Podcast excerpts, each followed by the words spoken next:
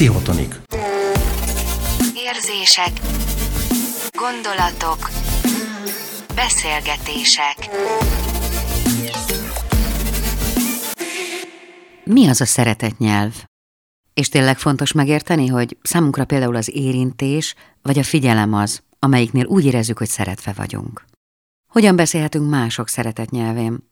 Hamarosan erről is szólunk, de szeretetnyelvi gyors talpalunk előtt nézzük meg, milyen zűrök lehetnek egy párkapcsolatban.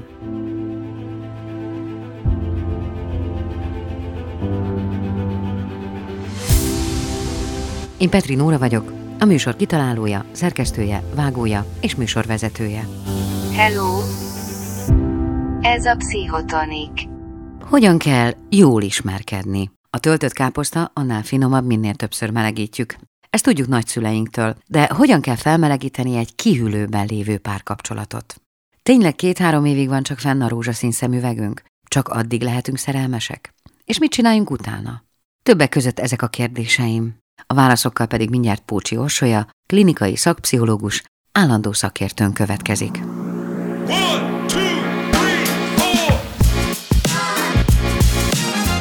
Ha párkapcsolatról beszélünk, vagy párkapcsolatokról, akkor ugye nagyon sokféle probléma felvetülhet. Például az, hogy nem illenek össze a párok, hogyan lehet összecsiszolódni, de ugyanakkor rengeteg olyan konfliktus helyzet is van, itt a megcsalástól kezdve a sok mindenen át. Mik azok, amivel a legtöbbször keresnek téged? Tehát mivel foglalkozunk ilyen szinten, te leszel a kontrollcsoport? Általában egyénileg jönnek el hozzám, viszont ugye az egyének magukban nem léteznek, hanem mindig van valami társas háló, amiben vannak, legyen az baráti kapcsolat, párkapcsolat, családi kapcsolatok, és ugye ez mind-mind olyan szövevényes, és mindenkivel más-más viszonyulás van, hogy ebből aztán rengeteg problémás helyzet, konfliktus helyzet adódik, amit próbálnak az emberek jól vagy rosszul megoldani. A házastársak között is vannak ilyen nehéz időszakokkal terhelt periódusok, amikor aztán a régi szőnyeg alá söpört sérelmek, sértettségek előkerülnek, és aztán elkezdik eh, esetleg egymást hibáztatni, és olyan szintig is elmérgesedik egy ilyen amúgy jól megoldható konfliktus helyzet, hogy akár még a vállás közelébe is sodródnak. Jól gondolom, hogy ez olyan tájt szokott kicsúcsosodni, amikor a gyerekek felnőnek, elmennek, és akkor egyszer már csak nem arról van szó, hogy el kell vinni oviba, iskolába, megvan-e az uzsonnát, hol a sportáskád, kiviszi edzésre, ki hozza vissza, és amikor ezek a dolgok eltűnnek, akkor hirtelen hirtelen előjönnek olyan problémák, amikkel nem foglalkoztunk, vagy olyan üres járatok, amikkel nem tudunk mit kezdeni? Vannak ezek a családi életciklusváltások, amikor sérülékeny a család funkciója, mert valami új feladat lesz a családban, akár egy gyereket kiengedő család, ahol tényleg ez az üres fészek szindróm előfordul, nincsenek meg a napi rutinok, illetve valami mást kell megtanulnunk, ahhoz meg már eltávolodtunk egymástól, hogy újra egymásra kell tudnunk csodálkozni, újra szinte randizgatnunk kell, megismerni a másokat, mert addig a feladatok hevében, vagy a napi leterheltségünkben el is élünk így egymás mellett, hogy egymással élünk, egymás mellett élünk, de hogy még sincsenek olyan uh, mély találkozások a, a hétköznapokban, vagy ezekben az években, amire aztán mindkét párnak szüksége lenne. Ami még ilyen konfliktussal terhelt időszak amúgy a kisgyerekes családoknak, na az is egy új élethelyzet, abban is valami újat kell megtanulnunk, más szerepkörökbe kerülnek a fiatal házasok, kettőből három lesz, a feleség fér szerepet most már a szülő szerep is színesíti, és azért ilyenkor megváltozik a nagy családnak is a viszonyulása, ott hirtelen nagymamák születnek, nagyapák születnek, és egy új viszonyrendszerbe kell eligazodni, ami az eddigiekben meg még nem volt meg. E, és még amit te mondasz, hogy mikor kirepülnek a gyerekek, sajnos az egybe szokott esni azzal, hogy az idős szülőknek, vagy a rokonságból e, időssé vált, vagy beteggé vált hozzátartozóknak a gondozása is előfordul, ami megint csak megterheli a kapcsolati rendszerünket, és igen, ilyenkor sajnos gyakran kilépés is van ezekből a házasságokból. Majd visszatérünk erre, hogy adj jó tanácsot ezekben a nehéz időszakokban, uh-huh. hogy hogyan lehet elvarázsolni vagy visszavarázsolni egy kapcsolatot, de de addig nézzünk még problémás szituációkat. Tehát ha párkapcsolatról beszélünk, vagy egy együttélésről, vagy egy házasságról, akkor ott két ember, tehát kezdjük a legelején, két ember egyszer csak elkezd együtt élni, és kiderülhetnek dolgok. Borzasztóan egyszerűek is. Nagyon nehéz általános tanácsokat adni, de hát mégiscsak erre kérlek, hogy hogyan lehet összecsiszolódni, hogyan lehet két különbözőnek egy közösséget létrehozni. Vannak erre receptek? Erre is sarkalom, akik hozzám járnak. Most amúgy olyan aranyos egyetemistáim vannak, akik szeretnének ismerkedni, és hogy kell jól ismerkedni, és erről tulajdonképpen a gimnáziumban, meg az egyetemi évek alatt se sűrűn hallanak, a szülőkkel meg nem beszélnek erről, és hogy legyen a, a párkapcsolatnak egy íve, egy fejlődés íve, hogy nem rögtön oda költözünk másnap, nem rögtön már együtt ébredünk fel, hanem van egy ismerkedési szakasz. Az, mint régen, ahogy mondták, az udvarlás szakasza, hogy minél jobban feltérképezzem a másikat, legyen róla egy térképem, hogy mit szeret csinálni, milyen az ő öröme, milyen az ő családja, milyen az ő kapcsolati hálója, mi a kedvenc színe, étele, hogy mindent tudjak meg róla, minél több minden érdekeljen róla, fedezzem fel a másikat. Ez szerintem egy nagyon fontos szakasz, ami mellett nem szabad elmennünk. Úgy az eleje tényleg ezek a mézes hetek időszaka, amikor nem is akarunk elszakadni a másiktól, be akarjuk kebelezni a másikat, felnyílnak a saját sorompóink, olyan dolgokat osztok meg egy eddig ismeretlennel, amit nem is gondoltam, még magam számára is nehéz ezt kihangosítani magamból, és hogy ilyenkor nagyon szeretek a másikkal lenni, és egybeforrunk. Na ezt a szakaszt kell nagyon jól kihasználni, hogy legyenek ebben egymás felé kérdéseink, töltsünk együtt annyi időt, amihez ez szükséges. És utána sajnos ez a szimbiózis fázis, ez, ez előbb-utóbb úgy is meg fog szűnni, és akkor ki tudok menni már a társas kapcsolataim felé, be tudom mutatni őket a barátaimnak, esetleg ha elérkezett oda a kapcsolat a szüleimnek, meg tudom őket mutatni, és akkor már nem csak kettőnkről szól ez a dolog, nem ez a, ez a szimbiotikus fázis van, hanem ott van a környezet is, amiből jönnek impulzusok, és ott megint csak más lesz már a kapcsolatnak a minősége. De én, én mindenképpen ezt javaslom, hogy a kommunikáció az, az menjen az elején, rengeteg beszélgetés legyen, körülbelül hat könyvnyi beszélgetés legyen meg egy pár életébe, amikor már azért úgy szerintem úgy össze akarnak költözni. Én azt fontosnak tartom. Igaz-e az, nem tudom, hogy hol vannak a friss kutatások, én valamiért az emlékezetemből azt, raktam, azt szedtem elő, hogy két év az, amíg, amíg ez a hormon működik. Amíg a rózsaszín szemüveg fent van, az hmm. három hónaptól két évig terjed. Így van? Igen, vannak ebben hormonális tényezők, azt hiszem öt hormon vesz ebben részt, és valóban ennek van egy, egy platója, és ez való igaz, hogy két-három év, és ez azért van így evolúciósan kitalálva, mert a szerelem, az először is ugye a szexualitás, hogy ez azért mindenkiben, e, ez az ivarérettség, ilyen evolúciós szóval élve megjelenik az ember életében a serdülőkor végén.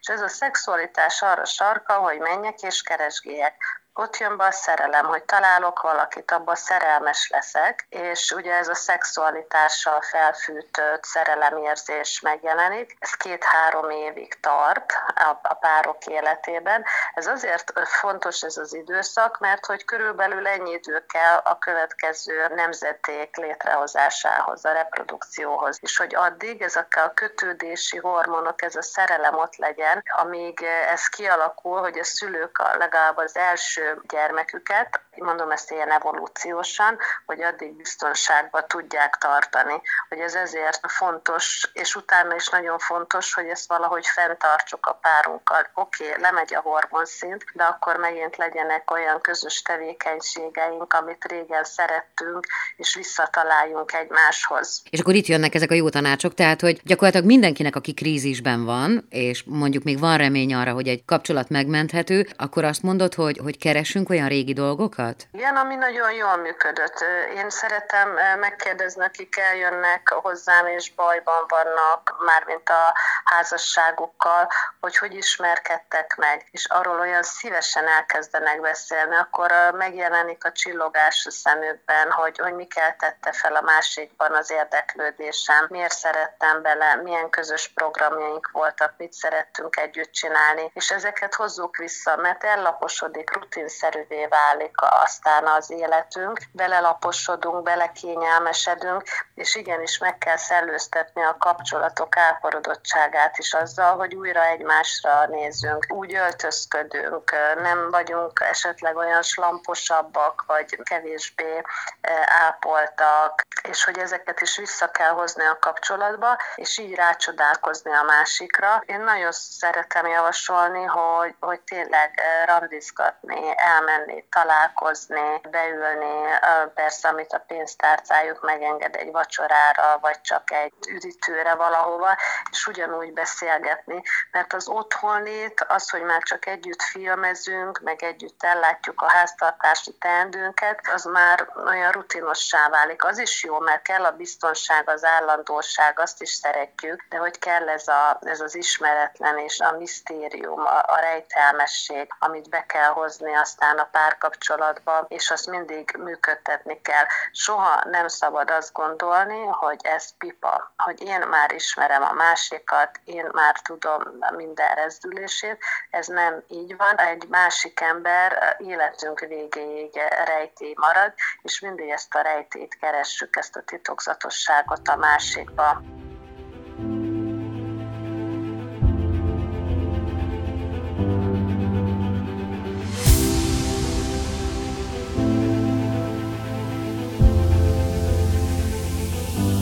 Hello! Ez a Pszichotonik. Ha reálisan nézzük a dolgokat, azért az életünk során is megismerkedünk emberekkel, és eltűnünk egymás életéből. Tehát így vannak olyan párkapcsolataink, vagy vannak olyan időszakok, amiben egy párkapcsolatot viszont le kell zárnunk, mert valamiért nem megy tovább. Vége van, másképp fejlődtünk, el kell mennünk egymás mellett, el kell engednünk egymást. Na ez is egy nagy, nagy és nagy fejezet lehetne, de erre vannak-e jó tanácsok, amikor, amikor két ember úgy dönt, hogy most már ez mindent megpróbáltunk, nem megy tovább. Gyászoljunk? Hát az, hogyne, hogyne gyászolnánk, főleg ugye mennyi időt töltöttünk együtt, ebből vannak egy gyerekek, ennek van egy története a kapcsolatunknak, azt lezárni, újra definiálni magam egy magázóként, szingliként, az is egy nagyon nehéz szakasz, de én azt gondolom, hogy igen, amíg javítható egy kapcsolat, addig tegyünk meg minden lépést azért, hogy, hogy ezt mentsük. Viszont, hogyha eljön az a szint, hogy már a kompromisszumaink nem működnek, hogyha ha, ha nincs nincs hova tovább, ebben nincs már ebbe a kapcsolatban annyi, amivel mind a ketten tovább tudnánk haladni, igen, akkor a lezárás felé kell elvinni, ami legtöbbször nagyon dühös szokott lenni, nagyon sok sér, sérelem olyankor felszéretől, és nagyon viharosak ezek az elvállások, de mostanában látok békés megoldásokat is, hogy olyan szépen, olyan ünnepien, olyan elegánsan el lehet válni egymástól, és akár még tartani is, ha, persze, ha gyerek van a gyerek miatt a kapcsolatot, vagy még csak jelen lenni a másik életébe azért úgy, hogy tudok róla, hogy mi történik vele. Van, akinek ez a segítség, de ez mindig egyén válogatja meg. Van, akinek a drasztikus lezárás, hogy soha többet ne lássa, letiltja a közösségi platformokról is, az segít, és úgy tudja a gyászát elindítani. Szóval ez egyén és szinten válogat válogatott, hogy hogy lesz, illetve hogy van ebben már szerintem egy rutinom, hogy én a vesztességeimet hogy szeretem elgyászolni. Persze, hogyha nem az elsőről van szó, hogy nekem ilyenkor mi segít, az egyedüllét segít, vagy a, a társas kapcsolataim tudnak segíteni, de nem szabad spórolni az érzelmekkel, és a fájdalomnak, a vesztességnek meg kell adni, ami az övé. A szomorúságot, a, a bánatot, a rossz kedvűséget, hogy egy kapcsolat lezárult, és hogy mindig a gyász az árannak, hogy én valamikor szeretek.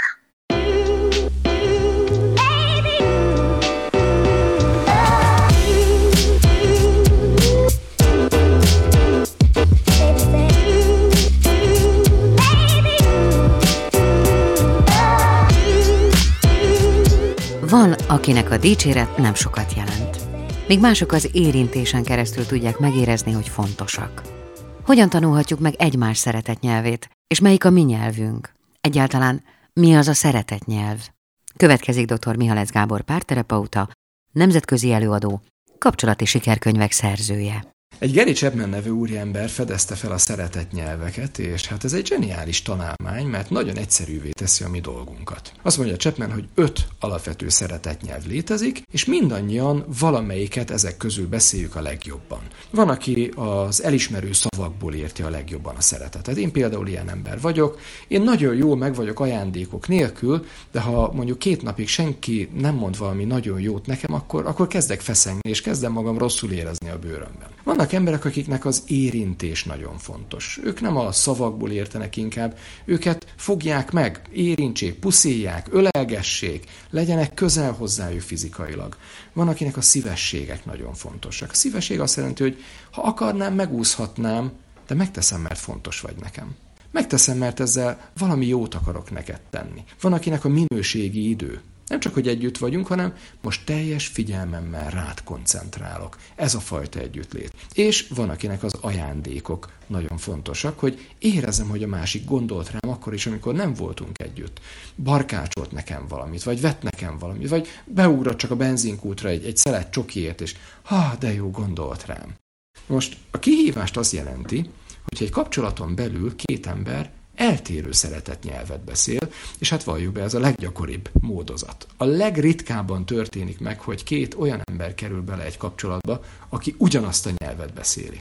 Miért kihívás ez? Hát azért, mert Nekem az a természetes, hogy amilyen nyelven érzékelem a szeretetet, értem a szeretetet, én is azzal halmozom el a másikat. A feleségemnek például valamiért a szívességek a szeretet nyelve. Nekem az elismerő szavak, és akkor elkezdtem őt halmozni. Te gyönyörű vagy, én úgy szeretlek, annyira jól érzem magam veled. És elkezdett gyanakodni, miért mondogatod ezt? Valami miatt bűntudatod van? Valamit ezzel akarsz kompenzálni? Ja nem, csak én is ezt szeretném hallani. Valószínűleg ezért mondom ilyen sokszor. Tudod mit?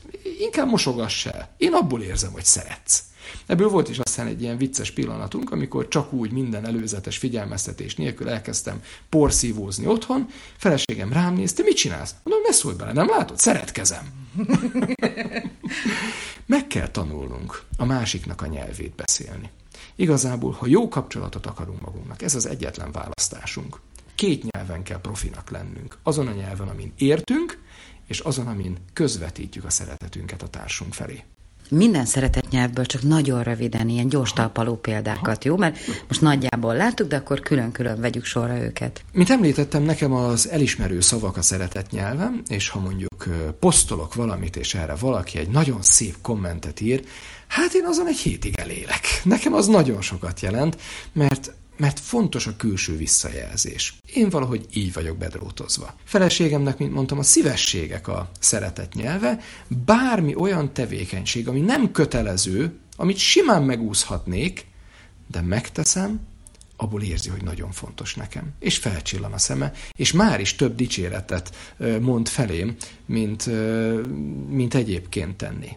A lányom, ő az érintések nyelvén beszél. Neki nagyon fontos az, hogy megsimogassam az arcát, megöleljem, amikor találkozunk, megpuszíjam. Neki, neki ezek a fizikai gesztusok azok, amik éreztetik, hogy, hogy ő, ő oké, okay, ő, ő szeretve van. A fiam sokkal inkább az időből ért. Abból az időből, amit együtt töltünk egymással. Ha csak úgy futólag beszélek hozzá, egy telefonhívásból is kiérzi, hogy apa, te most nem teljesen rám figyelsz, ugye? Ja, bocsi, fiam, én most éppen egy e-mailt írok, ekközben írt a hívásod, nem baj, visszahívlak majd akkor, amikor teljesen tudsz rám figyelni, jó? És ez egy jelzés nekem, hogy most nem az ő nyelvén beszéltem, mert neki szüksége van arra, hogy a teljes figyelmemből feltöltekezzen, mert neki a minőségi idő a szeretet nyelve. Hát az ajándékozásra meg nem olyan nehéz példát mondani, a legtöbb ember szereti alapból az ajándékokat, de akinek erre van kihegyezve a, az érzelmi érzékelése, annak különösen sokat jelent. És nem igazán az ajándék pénzbeni értékéről van itt szó, hanem inkább arról a ráfordított figyelemről, ráfordított időről, ami azt közvetíti felé, hogy odafigyelek rád, gondoltam rád, fontos vagyok neked. Ha az ajándékból ez átmegy, akkor ez lehet akár egy kavics, amit valahonnan egy különleges helyen ö, szedett össze valaki egy tengerparton. De az, hogy te ott voltál a tengerparton, és még ott is rám gondoltál, és hoztál a zsebedben egy kavicsot, ha, hát ettől olvad a lelkem. Ezt válthatjuk ki annál az embernél, akinek az ajándék a szeretet nyelve.